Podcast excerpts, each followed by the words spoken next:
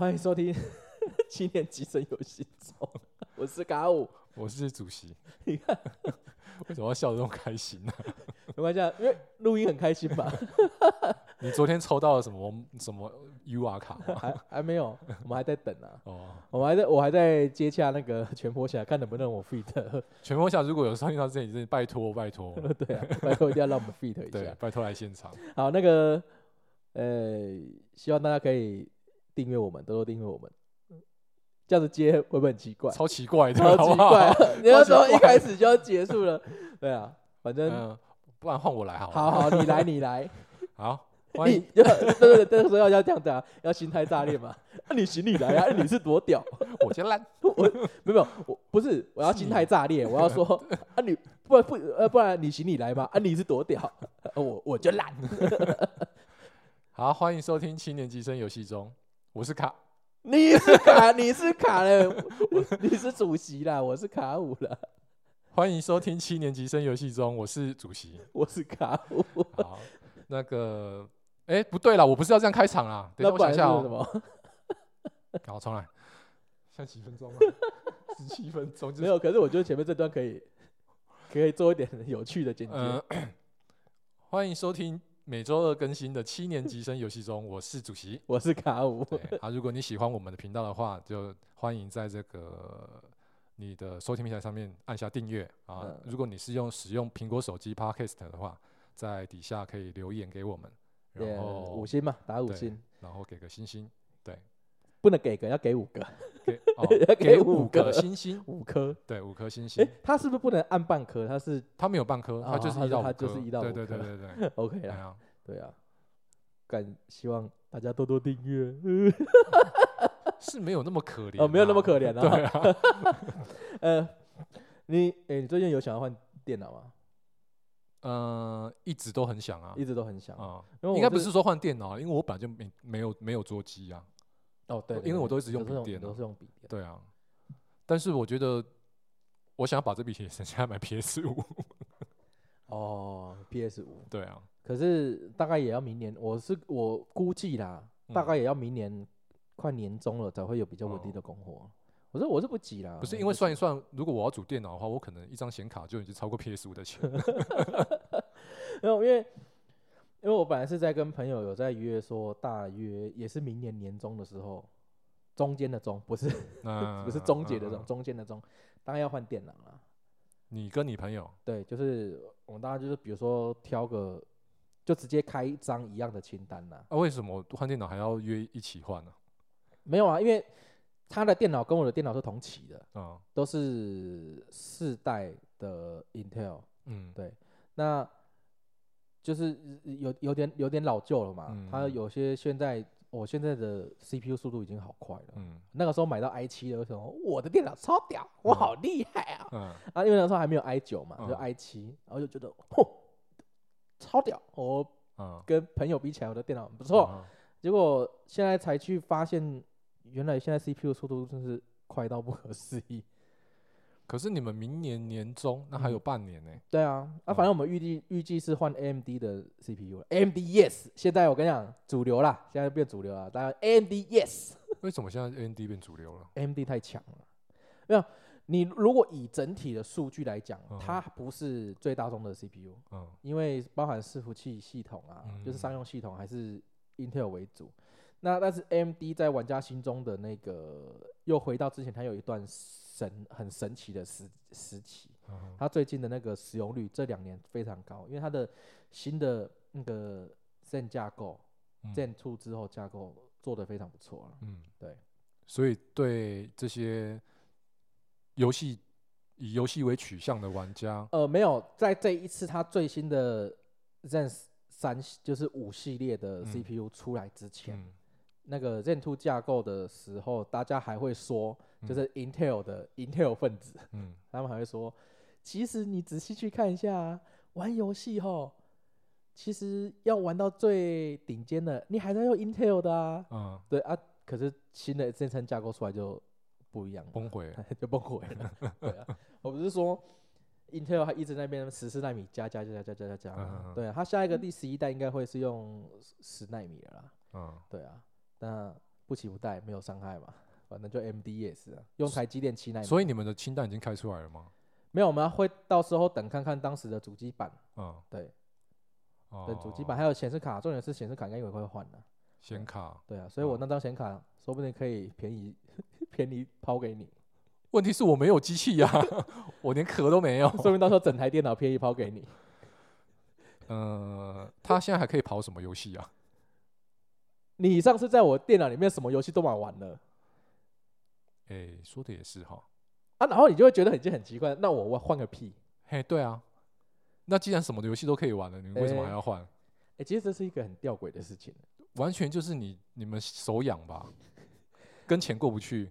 其实其实陆陆续续来这台电脑里面，唯一有换新的只有那个啦，显示卡啦，嗯就是四月份买的显示卡，然后遇到崩跌嘛。可是嗯其实我我觉得我的显卡哈，它价格降低这件事情，嗯不管它是暴跌还是就是呃呃忽然被人弃如敝履啊，我觉得对我对我而言没有差，因为我当我就是当下想要嘛，我才在那个时机点出手嘛。嗯那你不可能每个人都买在低点卖在高点嘛，嗯，对啊，就是类似的道理啊，所以我就觉得还好。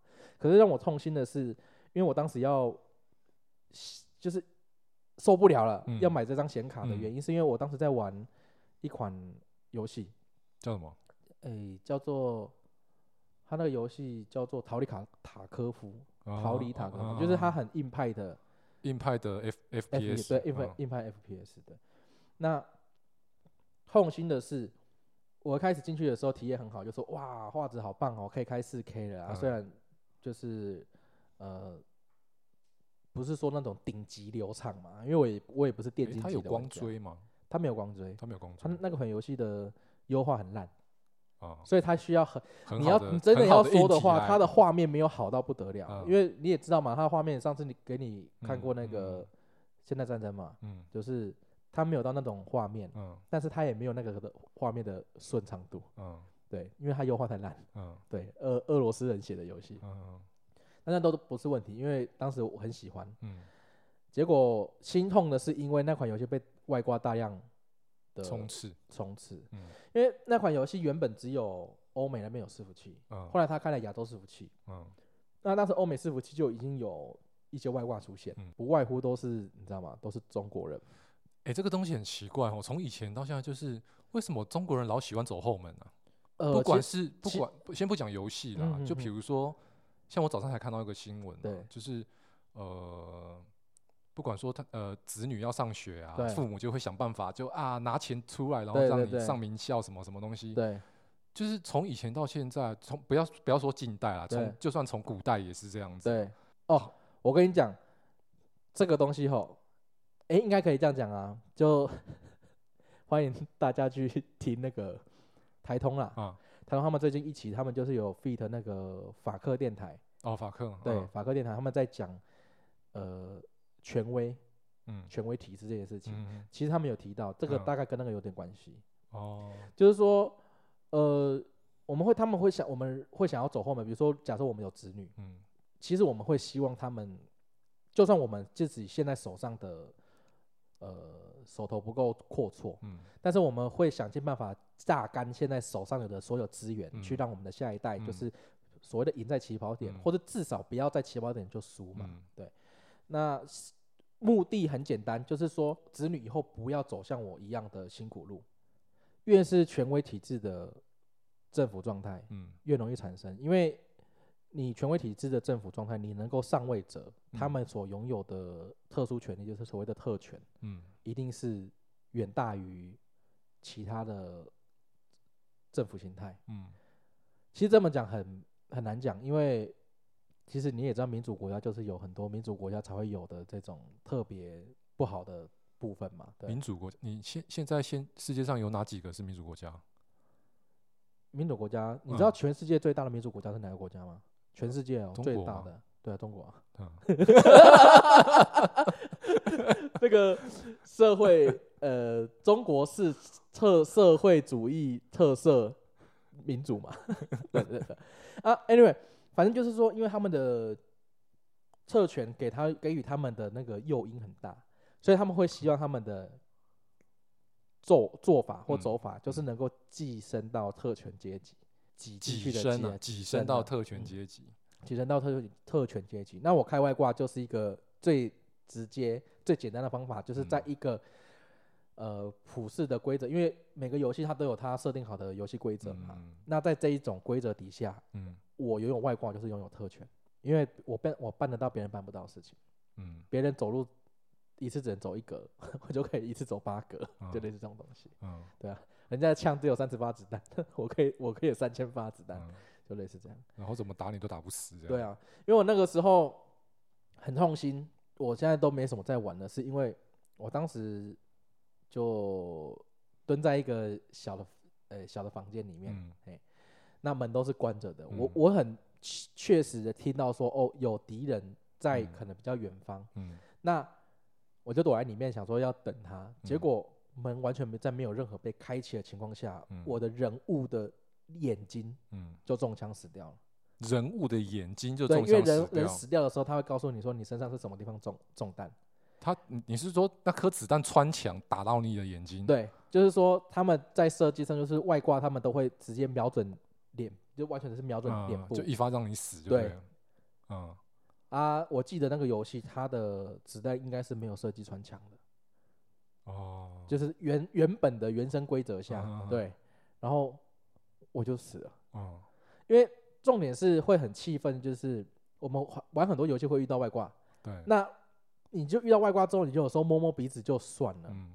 可是塔利塔科夫他的惩罚很重，所谓的惩罚是说，那个游戏你进到游戏的时候，你是要带装备进去的，嗯就说你所有的武、你的武器、你的枪支、你的这个叫做什么，呃，防弹衣啊、头盔，嗯都是辛辛苦苦去别的场次，你有活着出来才嗯带得出来的物资。嗯，那带进去如果死掉是会完全消失的，嗯那些东西就是就喷装全喷掉。，对，就人家捡走了，就变嗯成对方的人，嗯所以这个惩罚是很重的。嗯那当大家都是压身家在那个每一个游戏场次里面的话，你会说，我觉得对方玩的技术很好，嗯。我跟他进行了一场战斗，酣畅淋漓的战斗，嗯。像电影一样，嗯。哦我们想象想象的就会什么像电影一样的那种嗯枪战场景。嗯。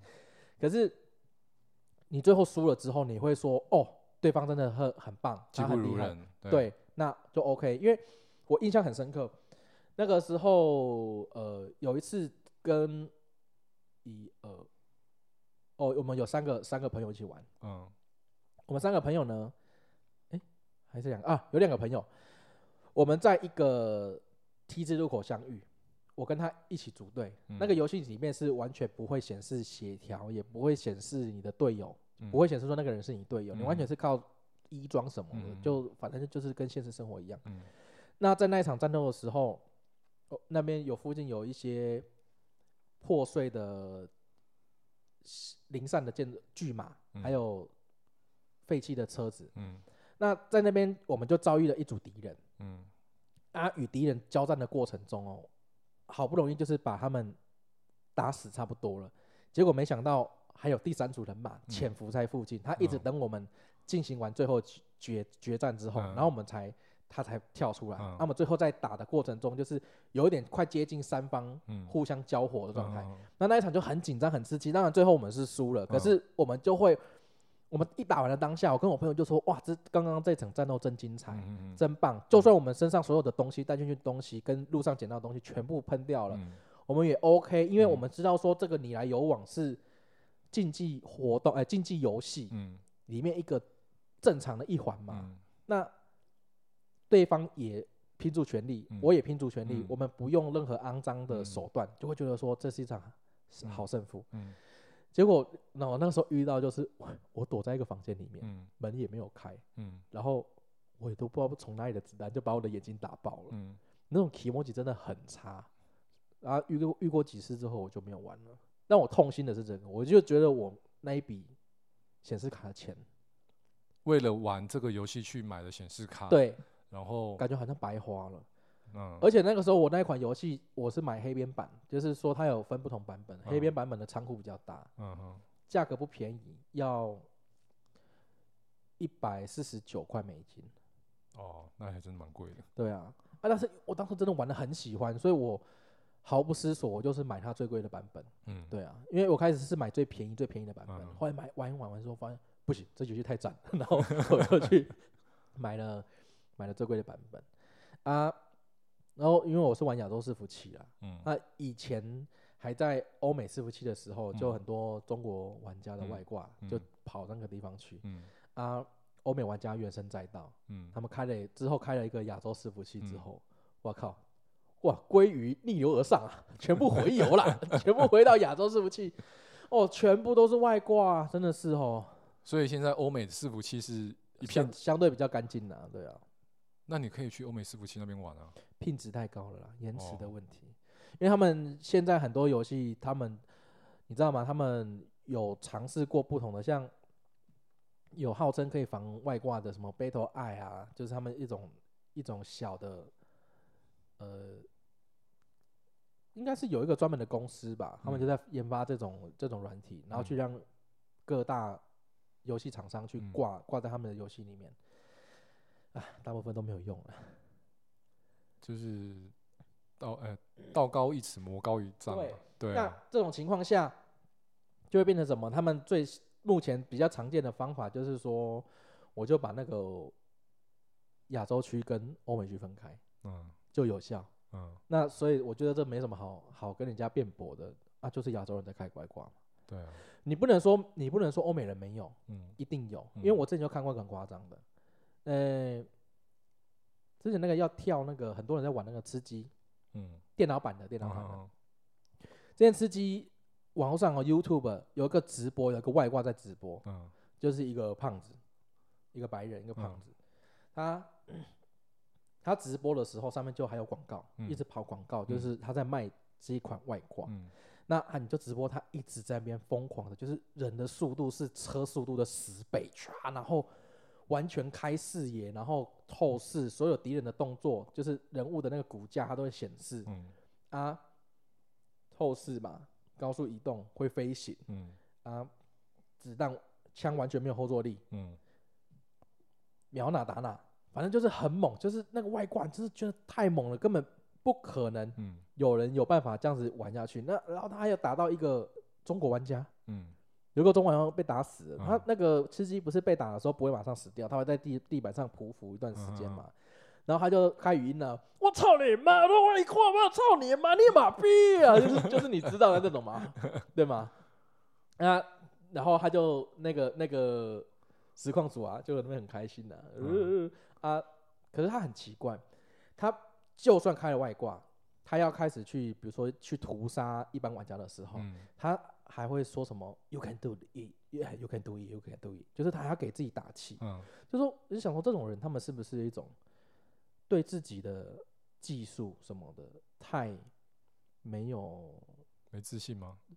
已经不到没自信的程度了，已经到有一种自卑。对自卑的情况。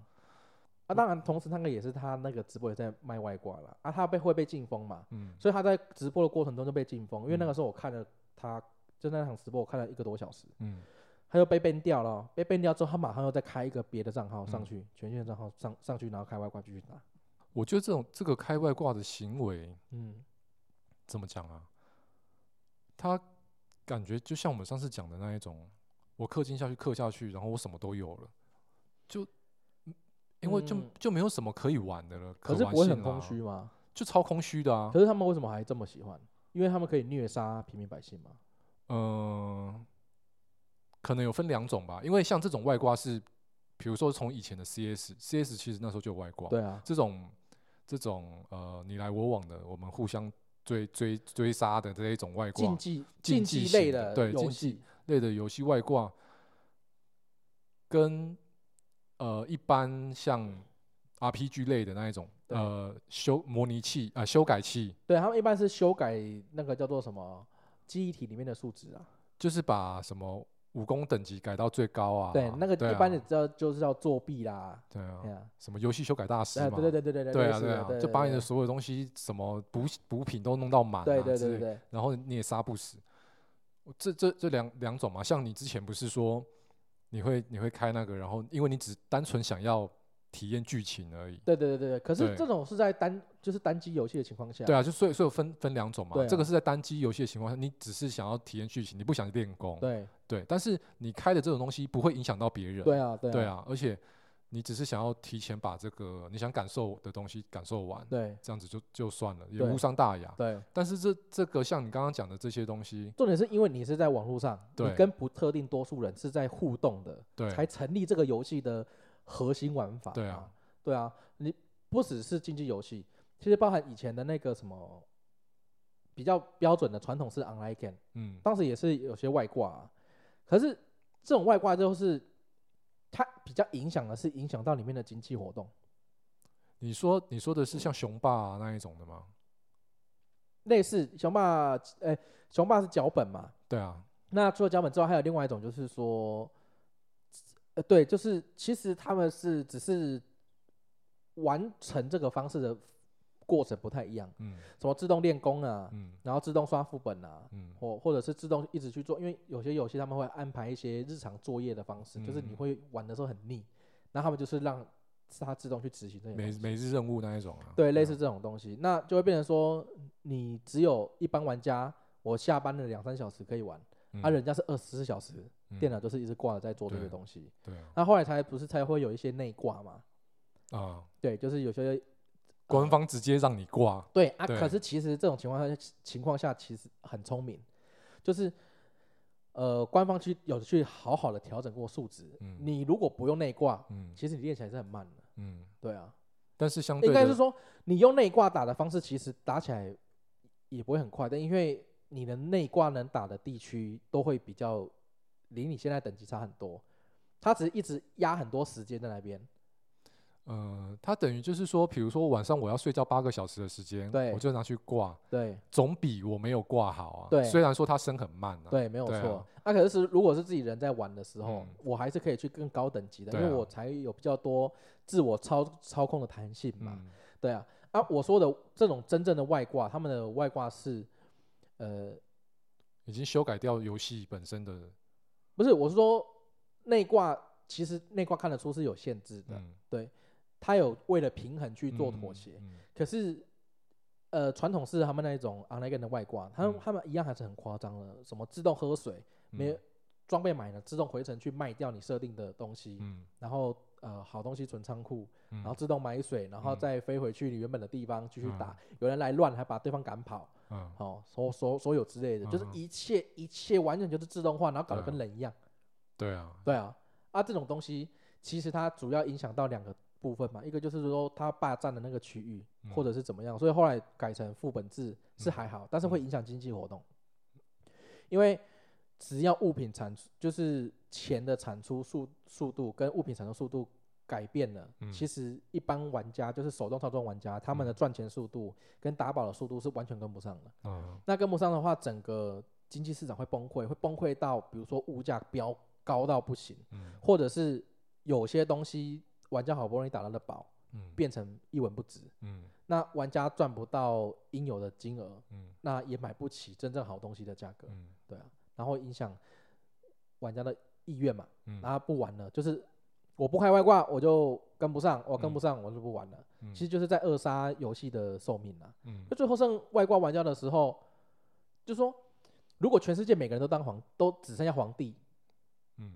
啊，没有平民百姓可以奴役，那真的没什么了不起，你懂我意思吗？这种感觉就像呃，竞技类的话，当然完全就是影响对方的感觉嘛。我就觉得这很有去烂透了。之前很有名的例子就是那个 H1Z1，嗯对 H1Z1 其实算是算是吃鸡的前身嘛，因为它这个东西之所以叫大逃杀类游戏，就是因为之前那个日本的小说啊，《B.R. 大逃杀》，嗯对啊，也也有翻拍成电影啊，应该很多我们这个年纪的都看过啊。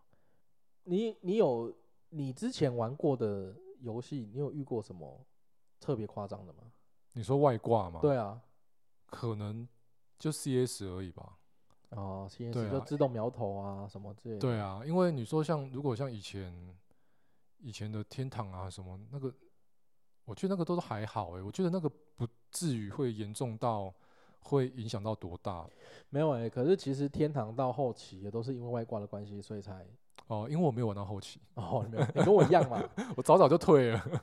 对啊，就是因为我刚刚在讲说什么自动打怪嗯，的那些人人家来打你，然后他他会有他们会两人组队嘛，还有个嗯法师、嗯啊，那个法师放，比如说要会隐身或什么的，嗯那来打的时候马上就放那个放什么各式各样的招式，然后把对方冻在那边。因为我好久好久好久以前有一次去网咖，我也忘记是多久以前，对然后我就看到有一排有一排电脑，好像有三台还是四台，完全没有人坐、哦，然后四四台都开着天堂，对然后他那个可应该是设定好的啊，可能有有一只他的主角色，可能背了三只娃娃还是怎样，就全部四台，我就看他自己在那边自己在那动，边打，对啊，小姐就说，就是柜台小姐就说那四台就是有客人包台的，对，对，只是他去上班，然后四台就放在这边这样子。啊。他说他他每天都是这样子，他也很赶嘞、他就反正可能小姐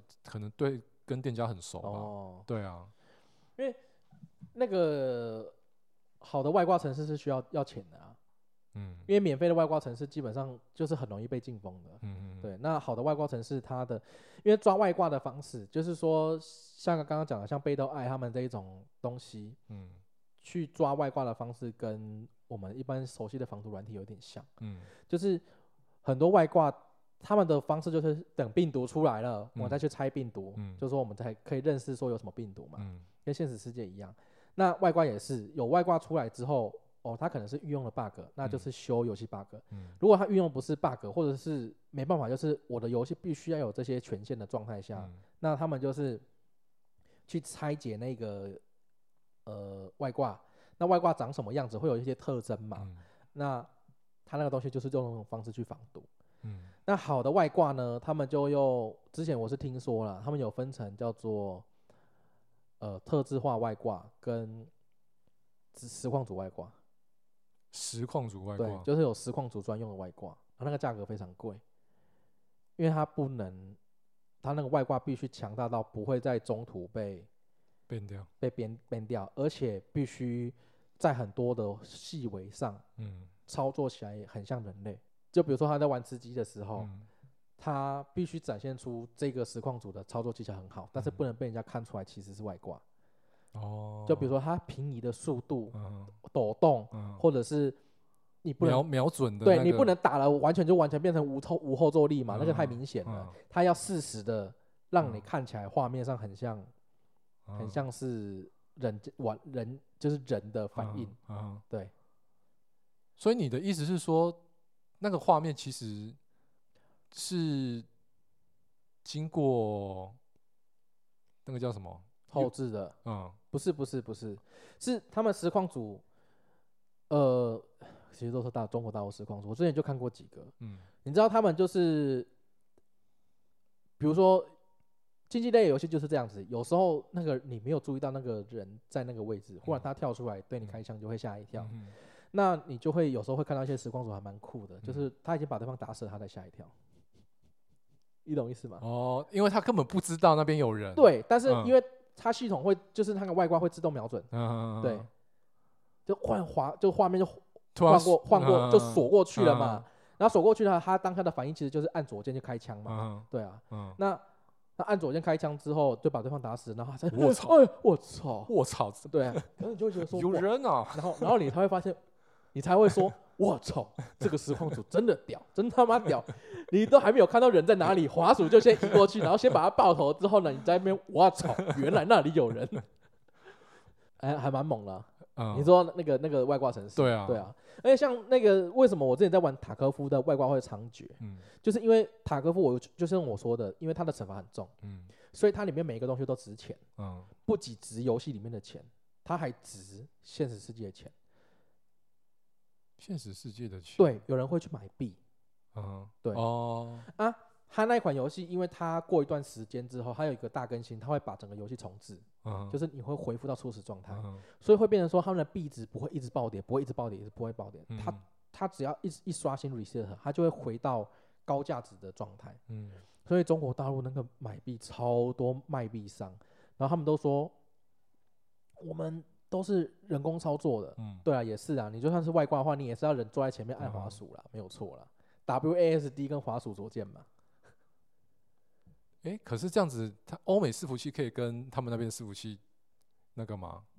跨伺服器买币吗？不行不行不行，不行，所以所以那边的币值应该比较低吧？币值会比较高。哦，币值比较高。对，我说中国大陆呢？中国大陆币值低，对啊，哎呀，币他们的币值值会比较低，啊，就是亚洲亚洲区对啊，亚洲区啊，因为那个时候我也是有看过，也也是有人在直播卖，卖币啊，不是直播卖塔科夫的外挂，哦，然后我就看到影片，哎、那个多夸张，你知道吗？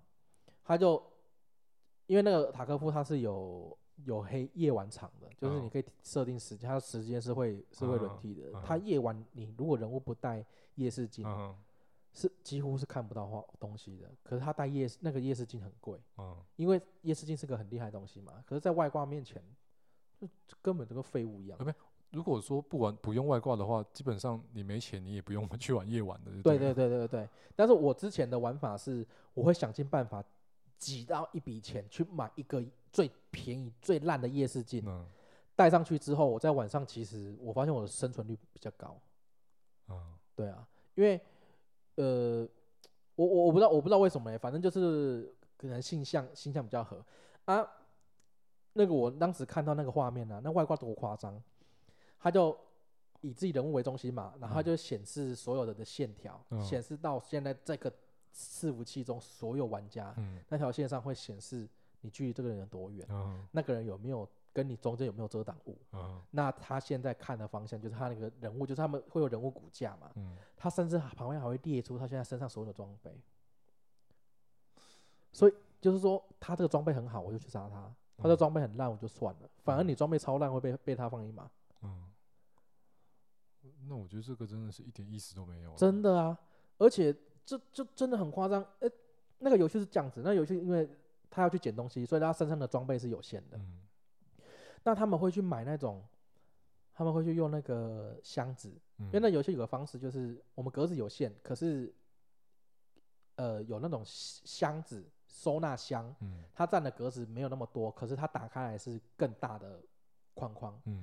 它所以他们那个外挂玩用外挂的玩家，他们身上是带了一大堆那个箱子，嗯。所以打开来变成十几倍的空间，嗯。但是整个扫场把所有场面上遇到所有人全部清干净，身上塞满之后，然后出场之后，就是人家可能一个月的辛苦，就是每一个玩家一个月辛辛苦苦积攒的，等于说他们其实也是在游戏里面收那割韭菜，就对了，对？他们就在游戏割韭菜。啊，那些东西最后都丢到游戏的拍卖市场卖成游戏币之后，嗯。然，后游戏币再拿去卖，卖现金，并且卖币啊，对啊。啊，等于说，就算你你不是直接去买外挂，嗯你去买币嗯，也是在助长。他们外挂玩家的，对嘛？因为他们就是有币商嘛，他嗯们用外挂去打，嗯 真的很猛啊，就会整个游戏的生态崩溃崩溃啊，啊，可是这官方赌不了吗？就是赌不了啊，那官方要干嘛？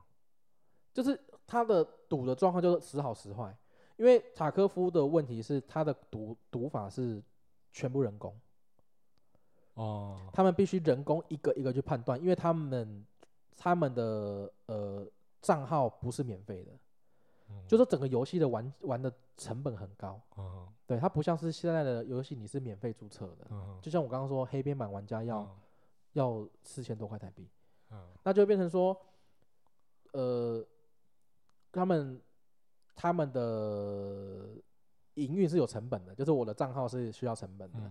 嗯那官方封禁的话是永久封禁的，它是直接整个完全不让登，就是你的那个账号就整个消失。嗯对，所以他们实际上的惩处是很严厉的，嗯，但是其实外挂商他们就买最便宜的那个啊，其实那个回收太快，因为币值因为币值钱呐、嗯对啊，所以你说防赌真的防不胜防，对啊，他们买买用最最低最等的去对开号，然后对啊，然后被 ban 了再后，再买一个新的。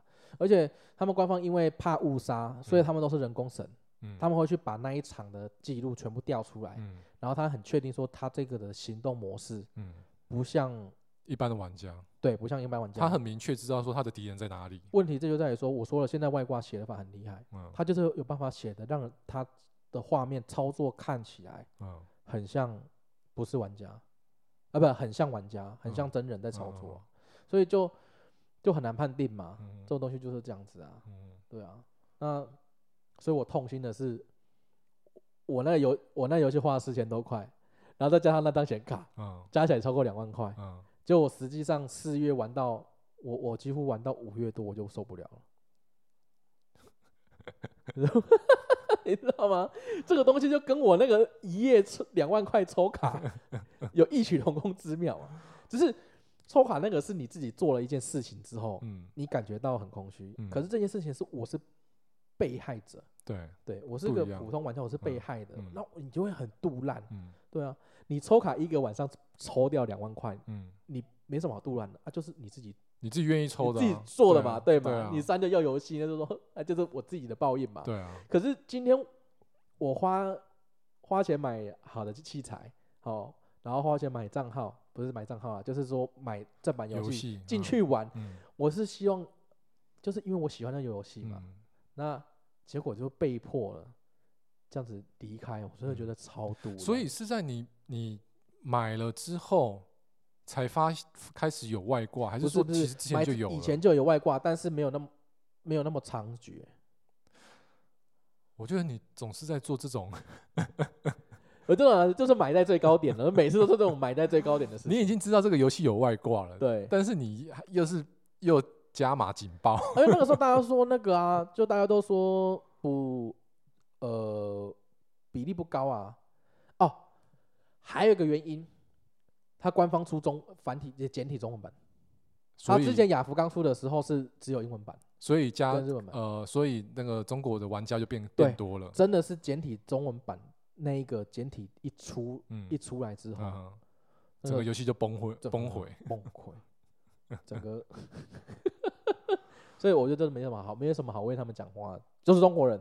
嗯我必须说，也有台湾人在开挂，嗯甚至因为那也有日本玩家，也有日本玩家在开挂嘛，欧美也都有嗯。问题是没有这么夸张的，夸嗯张像中国玩家这样子，这而且啊，他们不是他们用的外挂软体是同一套吗？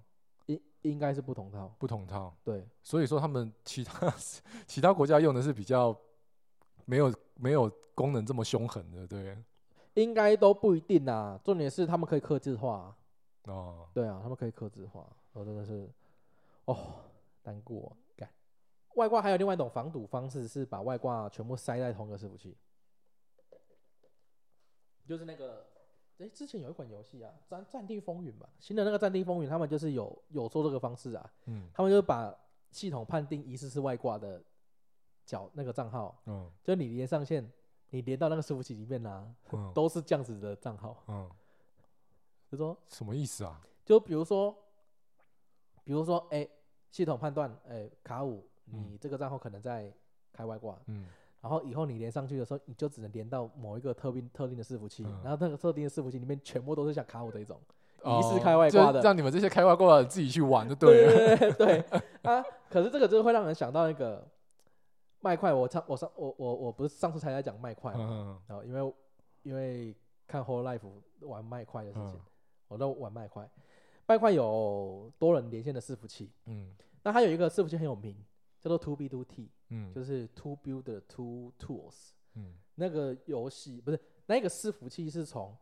二零一零年的嗯。年末还是年中的时候就上线的嗯。伺服器，啊，那伺服器很屌，它那伺服器吼是无政府状态的，它它的官方的管理的，而且呢它免费，那还有那那个伺服器是免费的，嗯。可是其实麦块的这个叫做什么伺服器的营运成本很大，嗯因为它的流量很大，嗯地图越来越大之后，它流量是很吃紧的。那所以它就是采用抖内跟买 VIP 可以比较快速排队进去，因为它一次最多上限就是两百人。嗯那那个伺服器是怎样？它从二零一零年到现在已经要十年了。嗯它的官方管理员他只管几种事情，第一个就是说你不能做事情去让伺服器崩溃，崩崩溃。嗯对，就是让大家没都没得玩，那是嗯不 OK 的，是 NG 的行为。嗯然后第二个就是说，你不能使用，因为他们呃自己架伺服器，所以他们在设定上可能会呃城市码可能会有一些 bug，嗯那那些 bug 可能会导致说让人飞得飞得超快啊，或或者是让人无限复制物品啊，或什么之类的一些 bug。嗯那这些 bug 的话，就是会他那个游戏的的伺服器管理员他会去修改，嗯他只管这两件事情。嗯除了这两件事情以外，随便你，随便搞，你想怎么搞，嗯你就怎么搞，你想怎么玩？你就怎么玩。嗯所以那个游戏基本因为麦块，说实在，麦块也是属于如果有对方是你你在一个很大的伺服器里面，如果对方玩家是开外挂，他去破坏了你辛苦建设的地区，嗯。或者是人物死掉的东西捡不回来，其嗯实也是惩罚性很重的。嗯。因为麦块就是在吃玩家的创意跟嗯。那种毅力嘛，你要很有毅力，你才可以在里面建出很宏伟的建筑，嗯。你才去可以收集到这么多的资源去做这些事情。嗯。所以那个惩罚是很重的，是无法回复的。嗯。那所以所有的一般伺服器都会很严格的去阻止人家外挂，甚至嗯。他们会设计那个叫做保护措施，嗯。就是说他们有一个范围的出生地，那个地方是完全无法被破坏的。嗯。对。啊，to B to T 不一样，你想怎么搞就是怎么搞。嗯。那外挂这个东西，像什么什么，诶、完全透视啦，嗯。好、呃，完全透视，还有这个叫做人不会饿，就是人不会饿死，嗯。人淹不死嗯这种东西，嗯完全你你你怎么听，你就觉得这完全就是在其他游戏是完全是最平衡性是，就抹完全抹灭游戏平衡的。嗯对啊，就是说，假设我们都在玩一款游戏，啊，凭什么我会饿死？啊，我会我会那个什么淹淹死啊啊，你就不会？嗯对啊，在 Two B Two T 的那个伺服器里面装这些外挂是比基本配备，嗯你没有你就不要想玩。哦，就是说在在那个游戏里面，基本上哈，你有外，你只是呃，你拥有外挂这件事情，你只嗯是最低阶的。就是它你的外挂是你的基本基本的进入游戏的条件。呃，可是其实蛮多玩家就是在挑战不用外挂生存，有有人在里面生存了好几年，是完全真的没有用过任何外挂。那他他是怎么做到的？我跟你讲，这这个就是展现人的毅力跟那种人性光辉的时候。嗯哦，这哦这这个 To B To D 好多可以讲哦。所以我没有真的玩过，但是我前阵子有很密集的去搜寻这些资嗯料，嗯所以我觉得拿来聊一聊不错，因为嗯我们没有用这种方式去看待一个充满外挂的游戏嘛，嗯所以我觉得可以可以聊。就说他的游戏是这样子哦，他一开始出生点的地区，呃，如果是现在你去网络上，你去 YouTube 上面，你可以查到很多资料。嗯那啊，我们有台那嗯个鬼鬼嗯。鬼鬼，他他有他之前就有在玩那个 Two B Two T，嗯。他去去年吧还前年的时候，他有进去，他就是他只有装小地图，嗯。他其他的外观都没有装。嗯。对对对，他我觉得还蛮厉害，然后他是很会玩麦块的。那 To B Two T 他一开始的出生点，他们是设定在那个世界就是坐标是零零的位置，嗯然后周遭的五五百乘五百的范围内啦，是随机出生的。嗯对，那现在基本上只要是出生地的五千乘五千的范围内，嗯你几乎没有整块的立足之地，都是嗯碎片的小方块。嗯你一个踩空摔下去，就是摔到无影是就是摔死。嗯，那有岩浆墙，那个都是呃玩家做出来的岩浆墙，嗯然后有各式各样会，他们叫做凋零怪，就是他们会喷射那种会爆炸的东西的嗯怪物，嗯那个玩家在那边新手嘣 就死掉了，然后死掉之后你就出生在五百乘五百之内嘛，啊，还会有有一些地狱门可以传送到地狱那个区域，嗯啊那些地狱门的都是那个叫做什么？陷阱。嗯因为那个地狱门一出去之后，你就会被夹在那个地狱门，他们就故意开在一个你无法超，就是被封完全被封锁的地方，嗯然后你手上完全没有资工具可以去破坏那个方块嗯，啊，你就在里面闷死。就是不管你你死在那边那你怎么玩都都死啊。对，所以就是新手的第一个第一个大事情。进去的大事情，你不要在那边赞叹说：“哇，这个世界怎么长得这么恐怖，怎么嗯破坏成这样子？”嗯你就是想办法逃出这个五百乘五百，嗯。逃出去之后，你要运气好，看到一个地狱门，嗯。进去之后没有被闷死，然后进去之后你还不能因为他们有些店门开在底下，全部都是岩浆，你你也完全没有地方去。啊，你就要找到一个他们这是所谓的人性光辉，就是在那边。因为那个游戏呃麦块的呃设计是这样子的，它地狱里面移动一格，嗯，在主世界里面是移动八格，嗯它是有对应嗯。对应的距离的，嗯。所以呃你在地狱跑一千格，就等于在主世界跑八千格。嗯。那你要远离是非之地，嗯。最快的方法就是在地狱里面移动嘛。嗯那他们就会之前就出现过很多人权组织，对。我这个就是我也不知道为什么，我就有时候玩家你不能说玩家就是都只会在乱搞，嗯。因为像以前那个 W W O W 魔兽世界就是什么有一个叫做堕落之血的 bug 事件，嗯那时候也都是人性光辉的展现。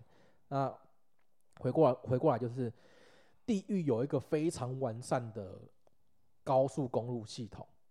嗯它就是用很难被炸炸药炸掉的黑曜石做嗯的。可是嗯其实你知道吗？在那种外挂玩家眼里，他们可以敲指令或什么，他们有一大堆方法可以去拆掉这种东西。嗯可是就算是这些道路被拆掉了，有些有些人会回报，然后还是有人会去修。嗯。那它涵盖了非常大的区域，变成一个网状的交通网，嗯斜向的嗯正那个十字向的，嗯。然后可以让玩家高速的去旅行到主世界十万，甚甚至数十万，呃，就数十万格以外的距离。嗯那你知道，就像个圆嘛，你圆的中心大家都很集中，嗯。你只要越往外面扩扩张，你大嗯。家要彼此要互相找到，就越来越难。嗯那大家就是想说，我就是尽量移动到很远的一个角落，没人找得到我。对，那我就是怎样，我又做个小锄头，做个小斧头，在那边砍砍树，然后弄个小农场，然后一个温暖的小窝，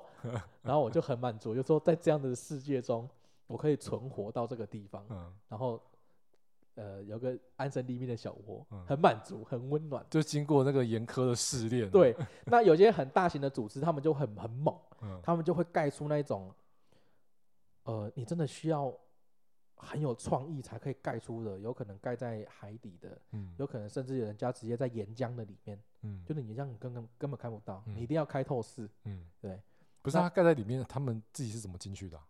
这就是他们厉害的地方。没有麦块都都有方式啊，都有嗯。方式啊，嗯。对，那就说这就比拼创意了嘛，啊。那些大型组织当然就是外挂不离身嘛，嗯。对啊，人飞天遁地啊，或者是那种高速移动啊，嗯。还有很有名的武器啊，三十二 K 的剑啊，就是像你在玩天堂嘛，你知道天堂不是武器有加一加一加二加三，对对对，对，那把武器是加三二七六七，嗯，基本上一刀砍下去，那个游戏里面没有任何东西是生物是可以，活着的，嗯。对对对对，但是那个东西是利用 bug 去修改出来的，嗯。而且我刚刚不是说外挂是最底阶、嗯低阶配备，嗯。因为外挂要有分砍斩嘛，嗯。那谁要写外挂？就是那种骇客级玩家嘛。嗯。那写外挂的话，他们就可以在里面塞后门。嗯。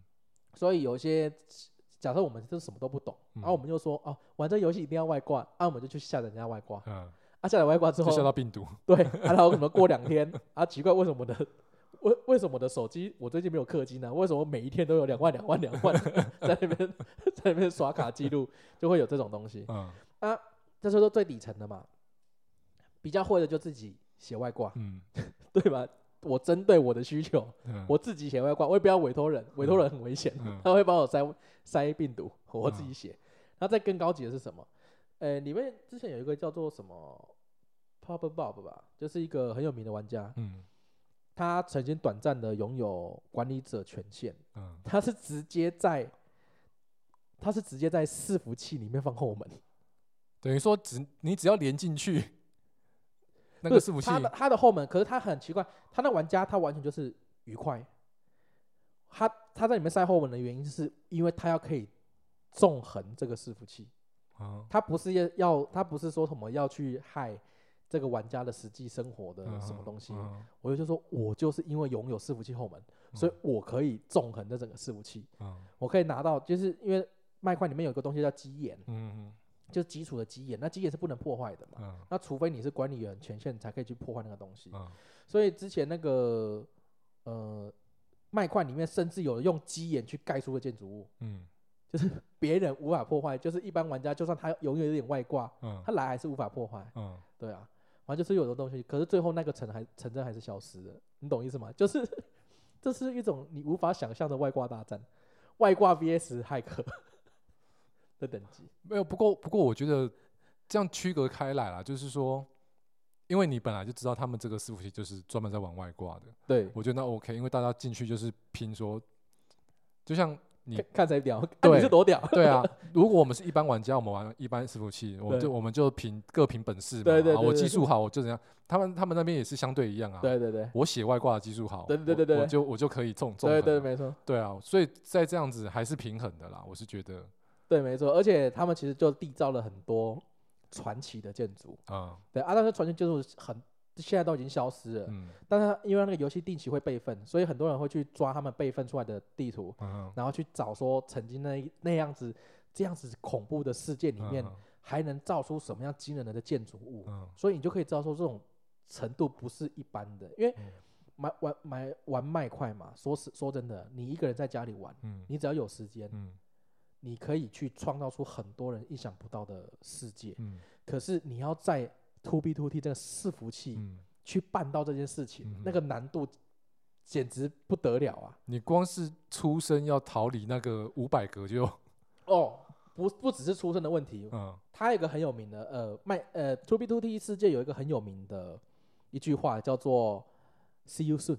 嗯那个时候是这样子，就是就像我刚刚讲的，我刚刚不是说你逃到一个很很远的小地方，嗯你有你一个小农场，你养了几几头猪啊嗯，温暖的小屋。那那个时候就有一个玩家，应该是美国的玩家，美国不是有个论坛叫那个 Reddit 嘛？嗯，对他就说：“你们都说 To B To T 这个世界很恐怖，嗯你看我就算我就算不不用外挂，我还是有一个温暖的小窝。”然后他就截了一张照片，就嗯只是一张照片去拍他的房子、嗯他的小农田，嗯然后几个动物的一个草地什么的，然后后后面就是有座山呐、嗯然后要一个河河就水流，底下就有个人说：“我认得这个山。” See you soon。